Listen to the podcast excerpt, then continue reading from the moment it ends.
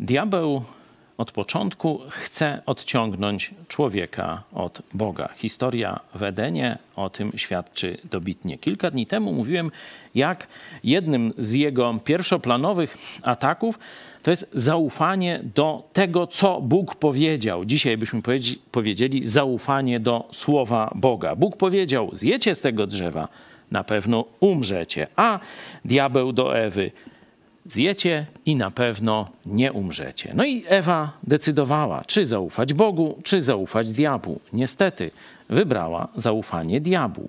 Ale wraz z tym kłamstwem, atakiem bezpośrednio na słowo Boga, że ono nie jest prawdziwe, szatan zaczął mącić w umyśle Ewy, próbując także zmienić jej wyobrażenie o Bogu, zmienić jej wizję Boga z prawdziwej na diabelską.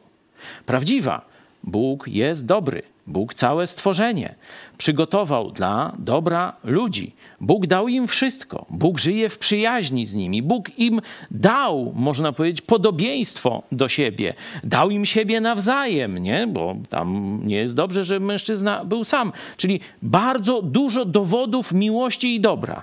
A diabeł, lecz Bóg wie, że gdy tylko zjecie z niego, otworzą się wam oczy i będziecie jak Bóg, znający dobro i zło.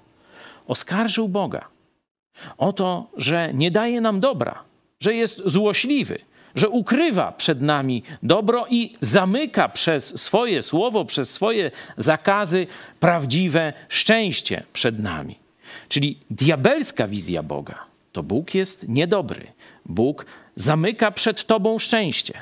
Jeśli pójdziesz za diabelską wizją Boga, będziesz płakał w nieszczęściu właśnie, jak ten syn marnotrawny, który skorzystał właśnie z takiej wizji, że u ojca nie jest dobrze. Jeśli z kolei będziesz trwał przy Bogu, przy tym, że jest dobry, łaskawy, zwyciężysz wszelkie pokusy i zobaczysz, kto miał rację.